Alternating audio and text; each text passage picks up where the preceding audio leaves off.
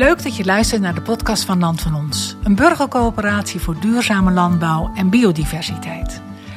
We maken podcast een aantal keer per jaar over onze percelen. Op dit moment zijn dat er 18. In deze podcast spreek ik met Howard Koster, de pachter van het perceel de Biesterhof. En er is ook een deel 2, dan spreek ik met Ted van Hees, de perceelcoördinator.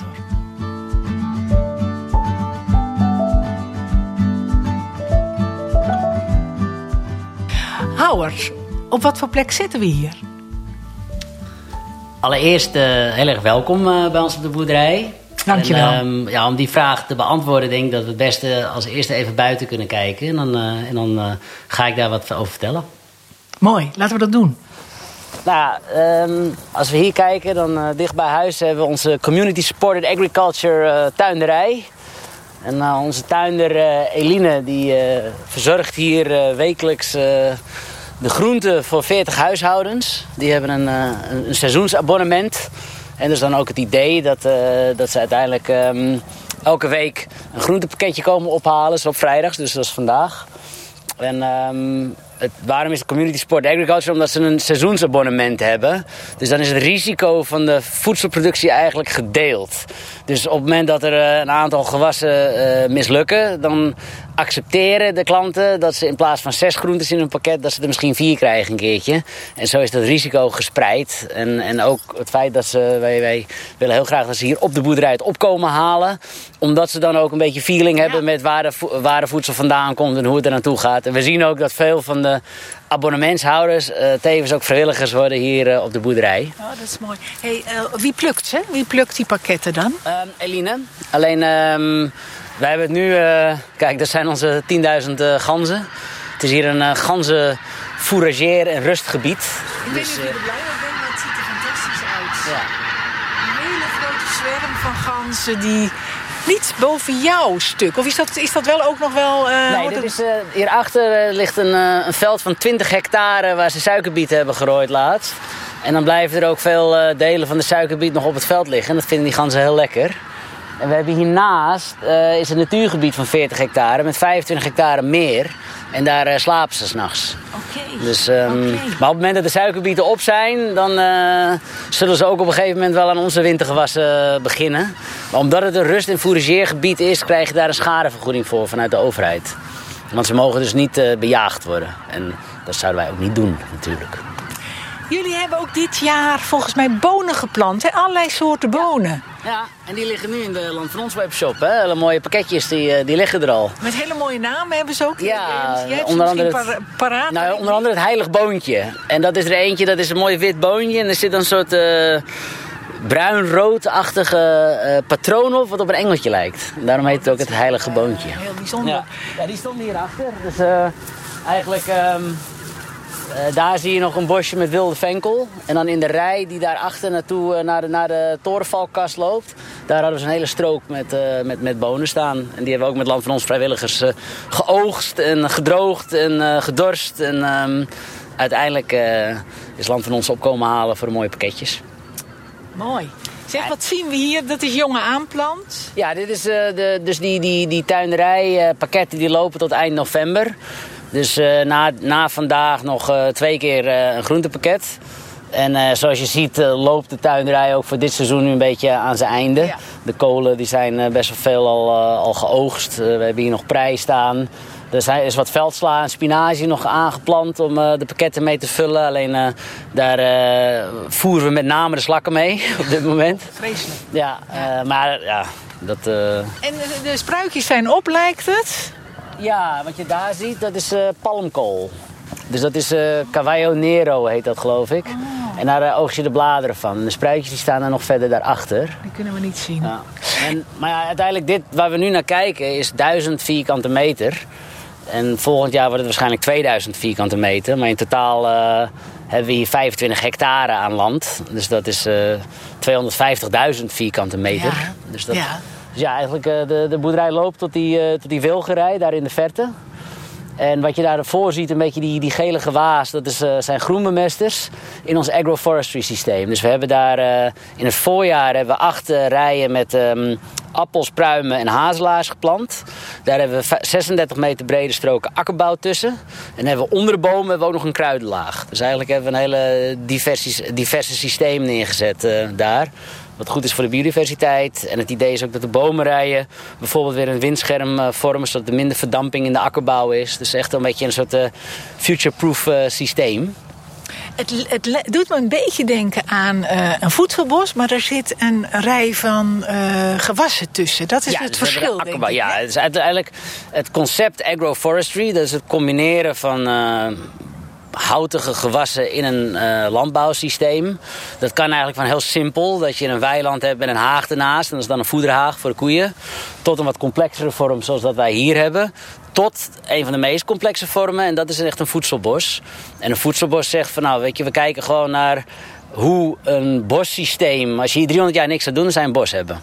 Nou, hoe zou dat bos functioneren? Welke lagen heb je in dat bos? En welke functie hebben die verschillende lagen? En laten we nou die lagen vervangen met um, bomen en houtige soorten en gewassen die diezelfde functie vervullen in het ecosysteem, maar die ook voedsel produceren. Dus dan moet je denken aan uh, dat de, de, hoogste laag zijn dan bijvoorbeeld walnoten en tamme kastanjes. En daaronder kan je kersen en daaronder weer appelbomen. En daaronder misschien nog wel bessenstruiken en daaronder aardbeien. En misschien kan je ook nog wel paddenstoelen kweken op de la laagste laag. Aanlokkelijk. Het is nog niet zoveel en we staan er ook wat ver van af. Mm -hmm. wanneer, wanneer ga je oogsten met dat soort houtige gewassen? Nou, dus, dus wij hebben daar hebben we dus dat uh, rijenteeltsysteem ja. aangeplant, wat een beetje in de midden zit qua complexiteit. Um, wij hebben dit jaar um, tweejarige uh, appelbomen, pruimbomen en hazelaars geplant. De eerste appeltjes die zaten er al aan dit jaar, maar die moet je dan eigenlijk niet uh, laten hangen. Omdat uh, je wil dat die boom op dit moment nog zijn energie steekt in het ontwikkelen van zijn wortelsysteem en niet al in het produceren van fruit. En het is heel afhankelijk. Wij hebben irrigatie aangelegd. We hebben een compostlaag uh, langs de bomen gelegd. Het is echt een, een productief systeem. Dus er zit ook veel kapitaal is er eigenlijk in geïnvesteerd. En wij verwachten dat we eigenlijk over drie jaar al de eerste uh, fruit en noten kunnen gaan oogsten. En in de tussentijd, het idee is dus ook, we hebben dus eronder hebben we bijvoorbeeld um, in een van die vijf meter brede stroken hebben we munt. Uh, en munt kan je natuurlijk al in jaar één oogsten. Dus wij verkopen nu uh, bosjes munt aan de nabijgelegen restaurants en, en, theehuizen. Dus als je ergens hier in de buurt een, een kopje muntthee bestelt, dan is waarschijnlijk de munt van ons. Dus er zit eigenlijk de potentie om meteen al wat cashflow te genereren. Mooi. Mooi. We gaan ook een voedselbos uh, uh, aanplanten. Dat is in dit stuk hiernaast en aan de achterkant. Dus er komt hectare? 5 hectare, Vijf hectare in totaal. Ja. Waarbij dit deel, een, wij noemen het een voedselparadijs. En dat wat meer een educatief voedselbos. Wat, wat romantisch is, slingerende paadjes, thema's. Um, plek voor workshops. Uh, kinderen die met natuurverbinding aan de slag gaan en dat soort zaken. En aan de achterkant hebben we een wat meer... Um, ja, de bewoording is niet helemaal juist een productief voedselbos. Want wij vinden dit ook productief.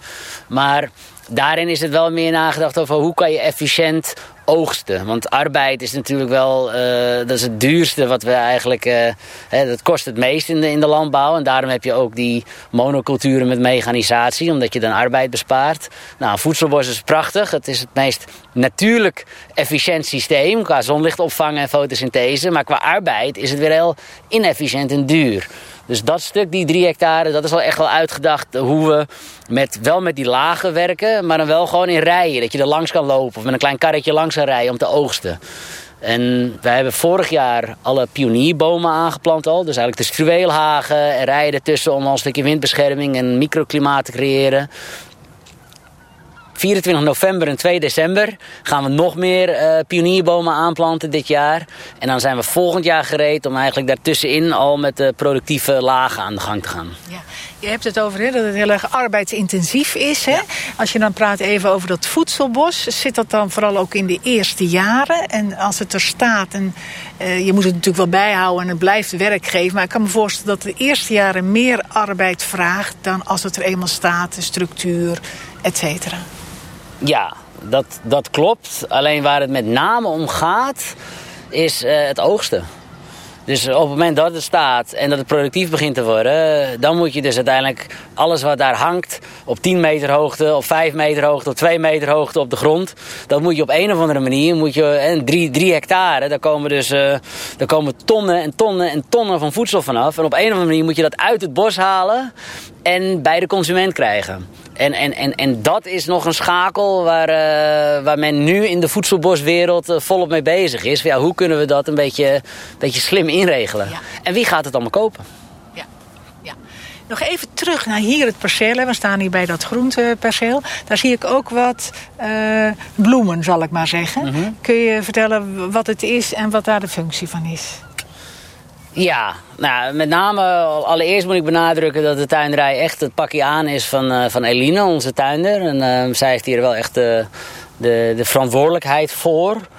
Um, er zijn wat interessante dingen die je kan zien, waar ik begin ook een beetje kritisch over was. En dat is bijvoorbeeld um, deze, deze lagen die hier bovenop ziet liggen, dat is wol.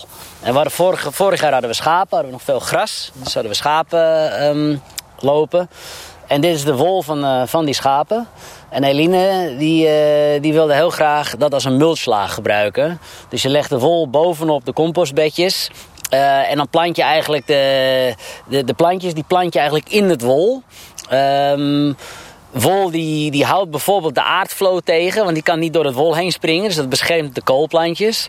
Wol houdt uh, verdamping tegen. Dus de vocht eronder blijft, wordt eigenlijk beter vastgehouden. En uiteindelijk als wol ook um, wol houdt on onkruiddruk tegen. Uh, en uiteindelijk uh, vergaat het wol. En wol heeft best wat stikstof erin. Dus werkt het ook nog als een soort ja, bemesting.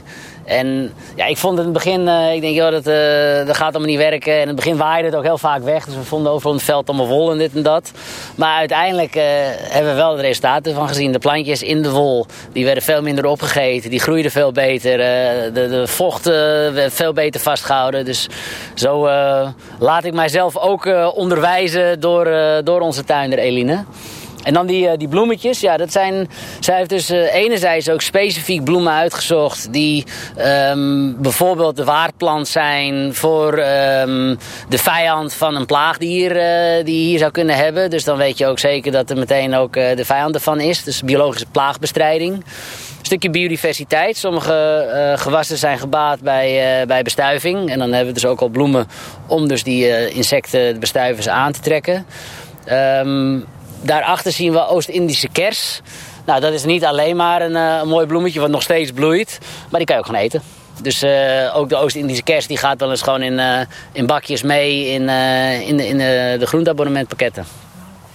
Nou, dan ga ik weer terug naar het voedselbos eigenlijk. Hebben jullie hier ook te maken met dat je tot een bepaalde hoogte mag... mag uh, het gewas maar tot een bepaalde hoogte mag komen? Bomen niet te hoog, et cetera. Daar heb je helemaal niet mee te maken met zichtlijnen en zo? Ja, we, ja maar dat is iets anders. Hè? Zichtlijnen of dat bomen een bepaalde hoogte mogen hebben. Wij, Leg het uit. Wij hebben met... Uh, wij zijn hier als een beetje niet... Wat je tussendoor hoort, dat is Pip, onze boerderijkat. Die hebben we hier gehaald om, uh, om muizen te vangen. We hebben heel veel muizen.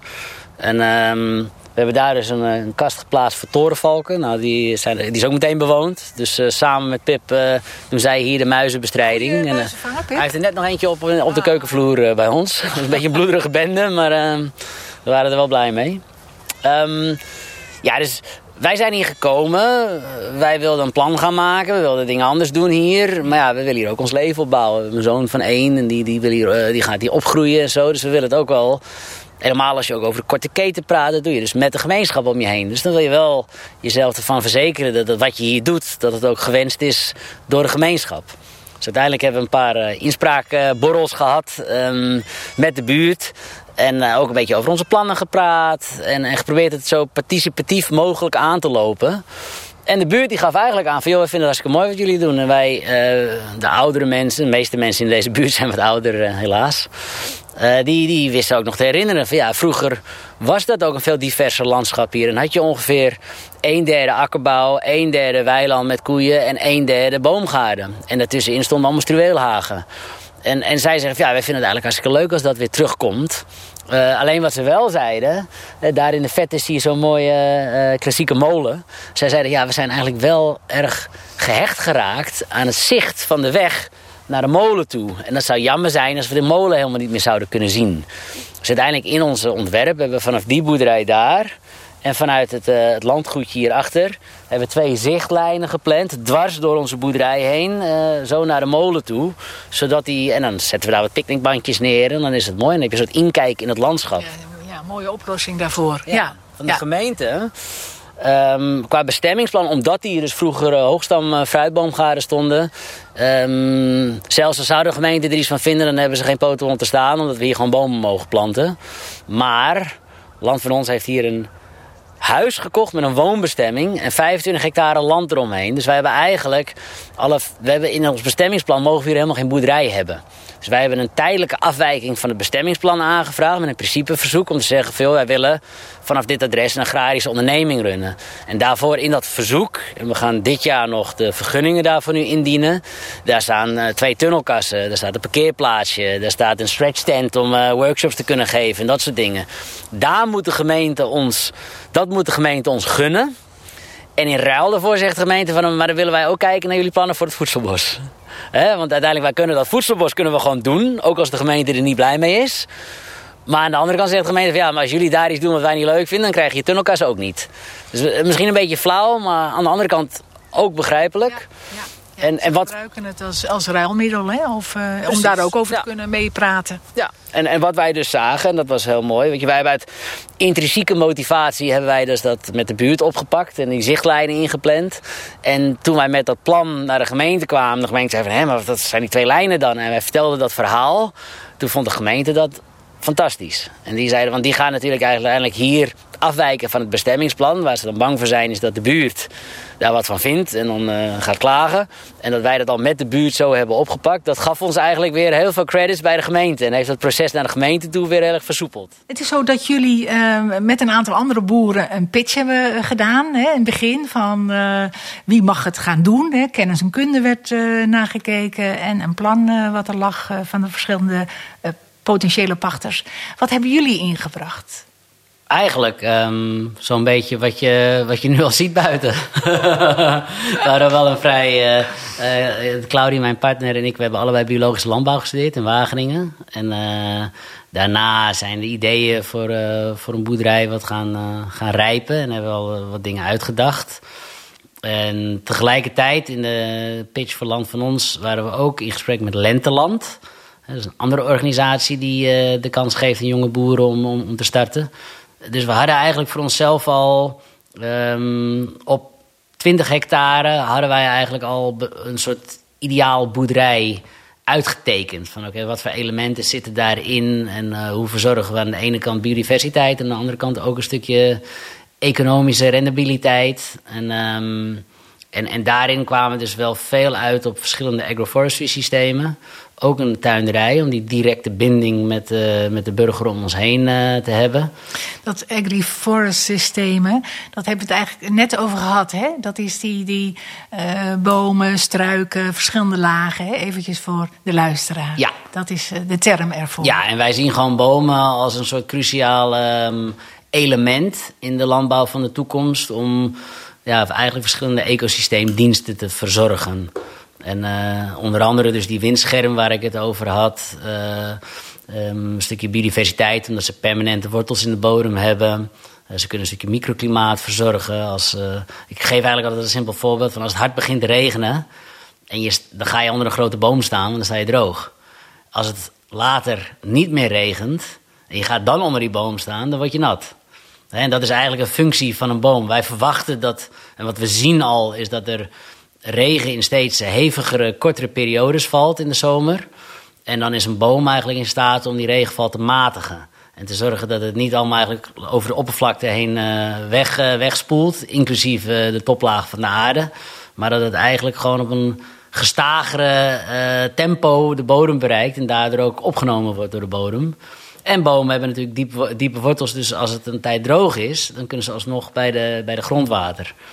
Um, en, en dus eigenlijk hebben ze al die dingen. En bomen kunnen natuurlijk gewoon uh, heel veel voedsel produceren. Ja. Ja, en in jullie plan zaten natuurlijk andere onderdelen, hè? Want het heet burgerboerderij bijvoorbeeld. Dat zal ja. er vast toen ook al ingezeten hebben. Ja, we hebben dus een tuinderij. We hebben, we hebben die bomen. We hebben um, akkerbouw. Eh, we willen ook dieren integreren. En, en wat het hiervoor was, hè, dit was een deel van een melkveehouder met heel veel Engels raaigras. En dan zie je dus dat eigenlijk het systeem dient de dieren. We hebben een heel systeem ontwikkeld om uiteindelijk de koe te voeren. Ehm, en wij zeggen van nou, we zitten hier op vruchtbare uh, kleigrond. En dat is uitermate geschikt om direct voedsel voor humane consumptie te telen. En dat kan dus ook uh, plantaardige eiwitten zijn. Dan kom je weer bij bomen. We hebben hier hazelaars geplant. Nou, hazelnoten zit heel veel eiwitten in. We, gaan ook, um, we hebben winterveldbonen staan bijvoorbeeld. Nou, ook eiwitten. Um, maar die dieren die kunnen dan wel nog een rol spelen in dat systeem. En die kunnen dat systeem verstevigen.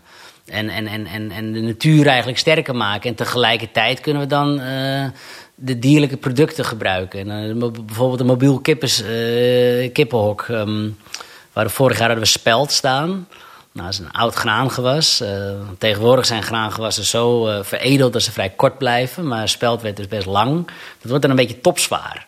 En dan net voordat je het oogst, heb je kans dat als er een beetje een storm komt, dat het allemaal gaat liggen.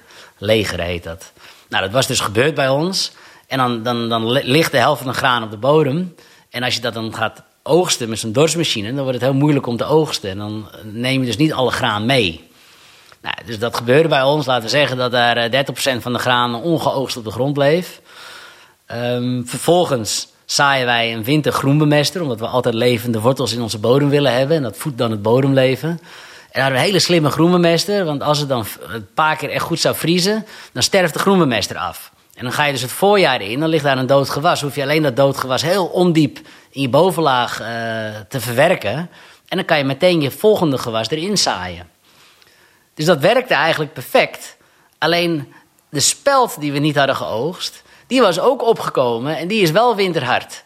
Dus uiteindelijk hadden we eigenlijk speld als onkruid in ons gewas dit jaar uh, van de zomer staan. En dan ga je dus uh, tarwe oogsten en dan zit er ook nog allemaal speld tussen. En dat, dat is ook weer niet wenselijk.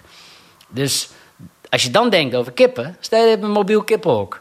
En je hebt je, je gelegerde speld, je hebt zoveel mogelijk geoogst en de rest ligt daar nog. Ja, dan zet je die kippen, dan zet je 100, 200 kippen zet je, zet je op die 2 hectare. Die kunnen misschien wel twee maanden lang gratis eten. En ze eten letterlijk je probleem op. Dus op die manier dieren integreren in ons systeem, dat, dat hebben we eigenlijk altijd voor ogen gehad. En dat willen wij ook uh, in de toekomst gaan doen. Ja. En dan komen we dus uit op die, die mate van complexiteit. Wij willen dus een heel complex, divers systeem in, maar daar heb je dus heel veel kenniskunde, tijd, ervaring voor nodig. Dat kan je niet alleen. Arbeid, wij, ja. Dus wij hebben altijd gedacht, wij willen hier eigenlijk met een, een gemeenschap uh, boeren. En daarom heten, noemen we onszelf ook de, de regeneratieve burgerboerderij. De, de, burgers zijn eigenaar hier, inmiddels land van ons. Maar wij willen het eigenlijk ook met een club mensen doen. Dus door een gemeenschap, voor een gemeenschap. En wij zijn vorig jaar en dit jaar ook bezig geweest uh, met een stukje teambuilding. Om met, met meer mensen dit te doen, zodat de verschillende mensen verschillende verantwoordelijkheden kunnen hebben op de boerderij. Zich daarin kunnen bekwamen. Maar dat we eigenlijk ook elkaars rol kunnen overnemen. Zodat je ook niet, hè, we hebben ook gedacht van ja, op, een bepaalde manier willen we boeren ook weer uh, sexy maken. Je ziet dat, dat, dat opvolging bij boerderijen best een probleem is. En dat, dat in de huidige mindset, ja, weet je, um, Anton aan de overkant, die is al 60 jaar niet meer vakantie geweest, omdat hij gewoon koeien heeft. Ja. En hij zorgt voor zijn koeien. Maar hoe kunnen we dat dan doen? Dat we de lusten en de lasten delen. En dat je ook gewoon een keer een weekje ziek kan zijn. Of een weekje op inspiratietrip naar, naar Frankrijk kan gaan om daar agroforestry systemen te bekijken. Dus wij hebben eigenlijk gedacht, van, ja, het antwoord ligt in een stukje gemeenschapszin. En dingen samen doen hier op de boerderij. En ken je daar ook voorbeelden van? He, want ik kan me voorstellen, dit, dit klinkt als vrij nieuw. Hè? Van, mm -hmm. uh, we doen het met elkaar. Uh, Eén uh, voorbeeld waar ik een zomer heb gewerkt, dat is de fruittuin van West in, um, in Amsterdam-West. Ja. Uh, fantastisch mooie plek. En, uh, en, en Wil Sturkenboom, die met, samen met zijn vrouw, die hebben, dat, die hebben dat opgezet. En die hebben ook, die hebben een stukje, die hebben een zorgtak op de boerderij. Die hebben een, ook een tuinderij op de boerderij. En dat doen ze met veel verschillende mensen. Alleen, zij hebben wel zij hebben heel veel rondgereisd in Europa om naar voorbeelden te kijken. En ze zagen eigenlijk elke keer dat in echt zo'n horizontale structuur op basis van gelijkheid. Dat het toch elke keer vastliep. Dat er dan, bijvoorbeeld als ze met z'n drieën begonnen ergens. En dat er dan uh, een partner erbij komt. En dat dat dan net niet klikt. En dat er toch ruzie is en dat soort zaken. En zij hadden hun fruitbedrijf in, in Flevoland uh, voor heel veel geld uh, verkocht. Hebben echt miljoenen eigen geld geïnvesteerd in de fruittuin van West. En toen hebben we toch, gezegd van oké, wij zijn de eigenaar. Het is van ons. Maar wij nodigen mensen uit om deel uit te maken van deze gemeenschap. Ze hebben dat ook allemaal, ze hebben geen contracten of wat dan ook. Het is allemaal op basis van vertrouwen en mondelinge afspraken. Dus ze zijn heel idealistisch, maar toch hebben ze ook wel gezegd van oké, wij gaan niet zo ver dat we, dat we een soort community maken, ook in eigendom en, en, en juridische structuur. In de gesprekken, in onze sollicitatiegesprekken, zal ik maar noemen, om, om hier aan, uh, aan de slag te gaan. Bij, bij Land van Ons? Heb ja. je het dan over? Ja, ja. moesten we ook um, op gesprek bij, uh, bij twee boeren. Um, en eentje daarvan was Arjan van Buren. Uh, een zeer ervaren en inspirationele biologische boer in de Achterhoek. En hij en zijn vrouw, Winnie, die gaven ook wel aan bij ons veel, weet je, het, het, klinkt fantastisch. En jullie hebben bepaalde zaken heel goed uitgedacht. We hebben wel heel hard nagedacht over hoe geef je zo'n, hoe vorm je zo'n gemeenschap en wat voor afspraken maak je en hoe ga je met elkaar om en hoe communiceer je in dat soort dingen. Alleen ook Arjen en Winnie die zeiden van ja, het gaat wel een uitdaging worden, want, want je gaat gewoon verschillende belangen hebben. En, en, en je gaat gewoon, uh, je moet zorgen dat je ook beslissingen kan nemen zonder dat je verzandt in een, in een discussiecultuur. Dat je pauzeloos uh, aan de koffietafel het hebt over ja, wat gaan we nou doen? Zij zegt ja, toch zal er iemand moeten zijn die knopen doorhakt. En nou, wij, uh, wij hebben dat allemaal aangehoord. En, en, en, toch kiezen we ervoor om het op, op, op onze eigen manier vorm te geven. Ja, ja stapsgewijs. Ja, maar wel um, radicaal horizontaal, zal ik maar zeggen. en, en, en, en, ook, ook in de communicatie met Land van Ons geven we tegenwoordig altijd aan...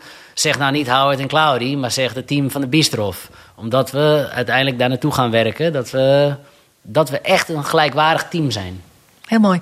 Je zei regeneratieve burgerboerderij. Ja. Nog even naar het regeneratieve. Ja. Uh, wat versta je daaronder? Ja, dat is, dat is inderdaad een interessante vraag. Want we zijn ook biologisch. Nou, vanaf maart komend jaar zijn we biologisch gecertificeerd. Je bent eerst twee jaar in omschakeling. Dus um, biologisch is, is, een certificering. Er zijn gewoon regels, daar moet je aan voldoen. Met name dingen die je niet mag, zoals uh, kunstmest en pesticides. En als je daar aan voldoet, dan komen ze controleren en zeggen ze prima, jij bent biologisch. Regeneratief is, is wat, wat breder en wat, wat, wat minder hard omlijnd. En het wordt ook niet gecertificeerd. Maar er zit wel een hele mooie gedachtegoed achter. En, en, en, en het zit al in het woord regeneratief. Hè? Dat betekent eigenlijk veel, zoals de, de wereld er nu voor staat. Um, dat, dat kan anders en dat moet beter. Hè? En, en, regeneratief begint met de bodem. Dus we zeggen van oké, um, wij gaan hier voedsel produceren. Maar tegelijkertijd gaan we zorgen dat we de bodem beter maken, sterker maken. Dat we meer koolstof in de bodem opslaan. Dat we daar meer bodemleven creëren. Dat we meer biodiversiteit creëren. En dat geldt ook voor bovengrondse biodiversiteit. Regeneratief betekent ook dat wij intrinsiek ervoor willen zorgen. Dat zit echt in het DNA van de bistro. Dat wij zeggen van ja, we gaan niet alleen maar fantastisch mooie lokale producten maken. Waarbij er een... Uh, een bakfietselite op, uh, op de e-bike vanuit Nijmegen komt om bij ons uh, een heerlijke, heerlijke verse worst en een, uh, en een biertje te kopen. En, en dat onze producten niet toegankelijk zijn voor een economisch um, minder toebedeelde bevolkingsgroep. Dus we gaan ook echt kijken van ja, hoe kunnen wij nou zorgen dat gezond en lokaal en duurzaam geteelde producten ook goedkoop kunnen zijn. In die zin is regeneratief, het is sociaal, het is economisch en het gaat om de milieu en de omgeving en de bodem. En, en ja, zo interpreteren wij dat. En daar gaan we heel hard mee aan de slag. Je bent echt op verschillende uh, vlakken bezig, hè? Uh, nou, je noemt nu dat regeneratieve, waarbij je ook zegt we willen ook andere bevolkingsgroepen uh, bereiken. Je bent met een team bezig om te kijken, kunnen we een samenwerkingsverband aangaan? En je bent eigenlijk heel druk bezig met die landbouw hier te ontwikkelen op een terrein wat twee jaar geleden nog rijgras was uh, ongeveer. Ja. Heb je wel eens het gevoel dat je denkt, doen we niet te veel? Nou, dat is dus, dan komen we weer terug op het team. Um, ik doe het niet alleen, Klaar en ik doen het niet alleen. We hebben, dit, deze week was er uh, de, de founding conference van de European Association for Regenerative Agriculture in, uh, in Zuid-Duitsland. Er zijn dus echt boeren uit heel Europa die hebben gezegd van joh, wij moeten die term gaan claimen. Want Coca-Cola, Nestlé en al die bedrijven die gaan er al mee aan de haal. Hè, met greenwashing. Coca-Cola zegt, ja, wij uh, sourcen onze basisgrondstoffen uit regeneratieve bedrijven. Maar ja, dat, dat, dat is natuurlijk gewoon een, uh, marketing tool. Dus die boeren hebben nu gezegd van, joh, weet je, wij beschouwen onszelf als regeneratief en wij moeten dat claimen. Wij moeten een, een, een, een, een, organisatie op poten zetten die gewoon autoriteit heeft als boeren en zeggen van, hé, weet je, wij bepalen wat regeneratief is. Nou, Eline die is daar, onze tuinder. tuinder het wordt nu wat rustiger in de tuin. Die is nu in Duitsland om namens de Biesterhof daar aan deel te nemen. Dus doordat je meer mensen hebt, kan je ook meer dingen doen. Betekent dat dat we daardoor niet druk zijn? Nee, dat is niet waar. en, en, en ook, met de, ook met de vergunningen en de pachtcontracten en het leren om, uh, om een goede landbouwer te zijn, hè, een goede boer te zijn. Um, ik werk ook nog in Wageningen um, om een inkomen te hebben, maar ook omdat ik die wetenschap en de praktijk aan elkaar wil verbinden. Um, dus ja, we zijn eigenlijk allemaal hartstikke druk hiermee. Maar, maar wat het is, is het is bijvoorbeeld natuur, natuurbescherming en, en, en biologische landbouw. Dat zijn toch dingen die, die gezien worden als iets van en voor de elite. He, biologisch landbouw bestaat al 50 jaar, maar 4% van het Nederlands landbouwareaal is biologisch en 4% van de bevolking koopt biologisch. Daar is een, is een reden voor. Hè? En, en daarmee gaan we niet die transitie naar een, naar, een, naar een duurzame leefomgeving maken. Dus op een of andere manier zullen we dat uit dat, die niche moeten trekken en moet het grote, mainstream en, en omarmd worden. Dus op het moment dat je daar niet mee bezig gaat, ja, dan heb je op een gegeven moment misschien hier een fantastisch mooi boerderijtje. Waar je toch weer met de, met de blanke hoogopgeleide elite op de boerderij. voor de blanke hoogopgeleide elite uh, mooie dingetjes aan het Bezig maken. Jij zegt er is een reden voor dat andere mensen die andere 96% niet biologisch koopt. Wat is dat volgens jou? Nou, allereerst, um, nou niet allereerst. Er zijn denk ik veel redenen voor. Waar ik, waar ik het over had net, is dus dat die imago van, van, van, van de elite. Op het moment dat je met natuurbescherming bezighouden eh, in, in, in het Westen. Het is van, van oudsher is het de adel geweest die heeft gezegd van... Uh, oké, we moeten, we moeten wat, uh, wat hekken om de natuur heen gaan zetten, et cetera. En, en, en biologische landbouw wordt ook een beetje zo gezien. Van, ja, weet je, het is iets waar, waar mensen zich mee bezig kunnen houden... op het moment dat alle andere dingen in hun leven al goed geregeld zijn. En, en, en vaak komt het dan ook nog eens voort uit gezondheidsoverwegingen. Van ja, nee, het is gewoon gezonder en uh, ik wil mijn kinderen biologisch uh, voedsel geven. Dus dat, dat is één ding. En, en aan de andere kant um, is het zo dat, dat binnen, het, binnen het kapitalistisch systeem hebben we eigenlijk um, nooit waarde gegeven aan onze natuurlijke hulpbronnen. Er zit een soort weeffout daarin Waardoor we op dit moment uit zijn gekomen dat we met, uh, met geld geld verdienen. En dat, en dat is het. En als je dan kijkt hoe dat zich vertaalt in het voedselsysteem, dan is het dus economisch gezien lonender om in Brazilië oerbos te kappen, sojabonen te telen, die uh, met, uh, met grote vrachtschepen met stookolie hier naar Nederland te trekken, daarvan dan de soja's aan onze koeien te voeren en, uh, en vervolgens onze, onze melk en melkpoedervorm naar China te, te exporteren. Dan dat het eigenlijk lonend is om lokaal duurzaam voedsel te telen en dat in de buurt af te zetten. En dat is duurder dan dat systeem wat ik net schetste. En dat is natuurlijk heel gek. Want dat systeem wat ik net schetste, dat maakt heel veel kapot. dat uh, zorgt voor klimaatverandering, dat zorgt voor verarming van de bodem in, in Brazilië en het, en het verdwijnen van de oerbossen daar. Dat zorgt voor, voor allerlei externaliteiten, heet dat. dus al die negatieve gevolgen van het systeem, die zijn er wel. En het zijn maatschappelijke kosten die we allemaal dragen, die niet verwerkt zijn in de kostprijs van het product. Terwijl aan de andere kant, als, als wij hier een mooi uh, groenteabonnementje, groentepakketje maken, ja, in die prijs, hey, je kan zeggen dat is duur, maar in, in, je koopt niet alleen groenten, je koopt biodiversiteit. Je koopt uh, koolstofopslag in de bodem. Je koopt uh, waterregulatie. Je koopt nutriëntenkringlopen. je koopt al die dingen, die zitten in die prijs verwikkeld. Alleen die ecosysteemdiensten, en wij leveren daarmee dus eigenlijk een, een maatschappelijke dienst. En die wordt niet betaald. Dus die externaliteiten, die worden... En dan kom je uit op true cost pricing en dat, is een, iets, dat, dat, dat zit er echt wel aan te komen, alleen daar moeten we nog wel. Het is een complex systeem. Maar dat systeem zegt van ja, als je als producent vervuilt, dan wordt dat doorbrekend. Die maatschappelijke kosten worden doorbrekend in de prijs van je product.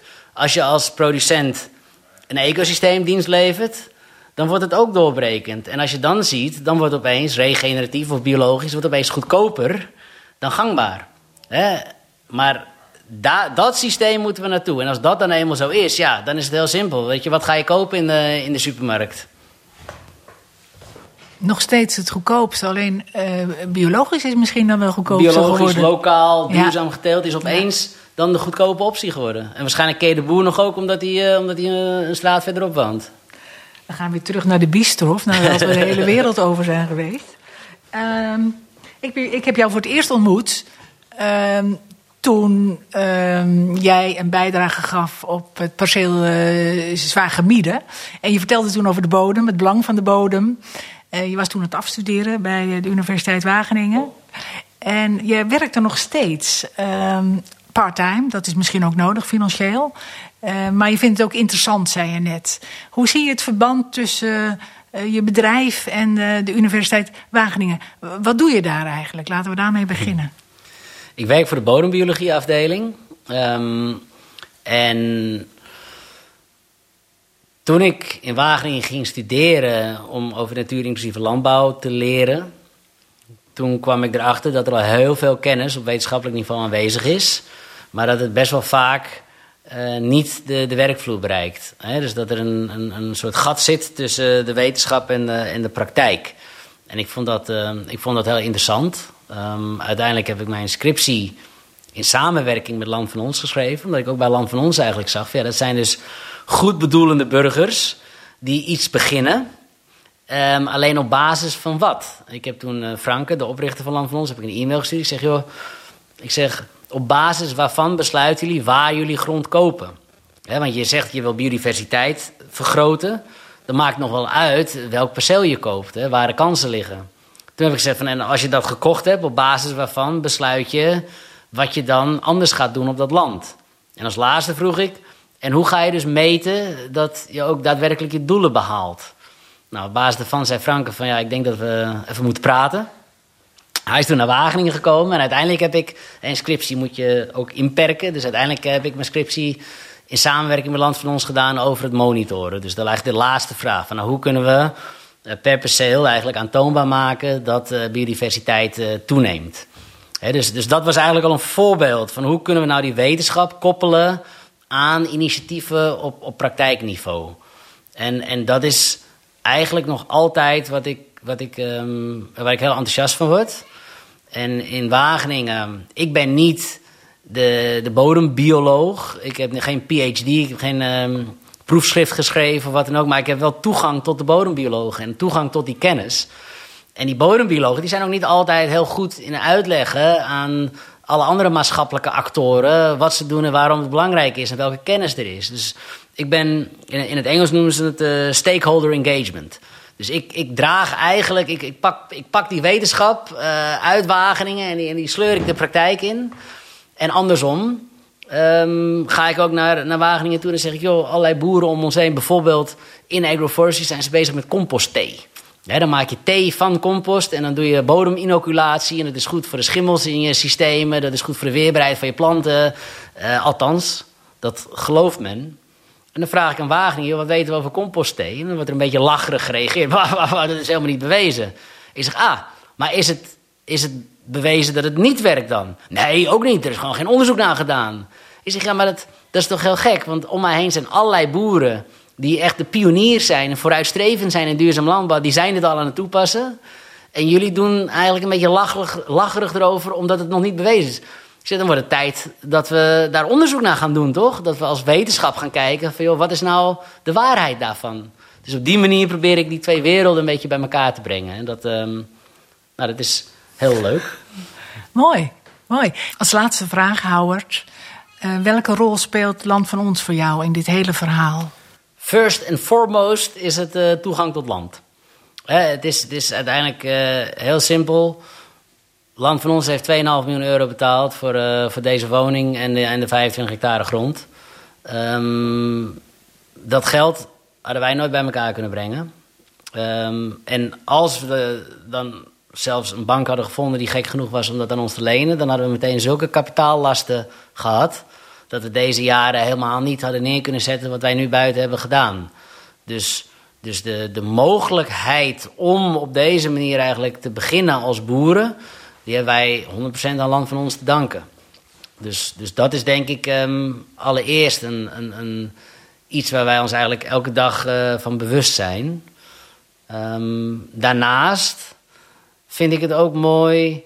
Door land van ons zijn we eigenlijk niet op ons eigen postzegeltje hier bezig, maar hebben eigenlijk een verbinding op nationaal niveau. En kan ik. Um, wat, ik, ik, schrijf een, uh, ik schrijf een column in het vakblad Vee en Gewas. En die column die wordt ook in de landskoop uh, gedeeld. En dan, dan weet ik van nou, uiteindelijk wordt onze stem mogelijk door 26, 25.000 leden gehoord.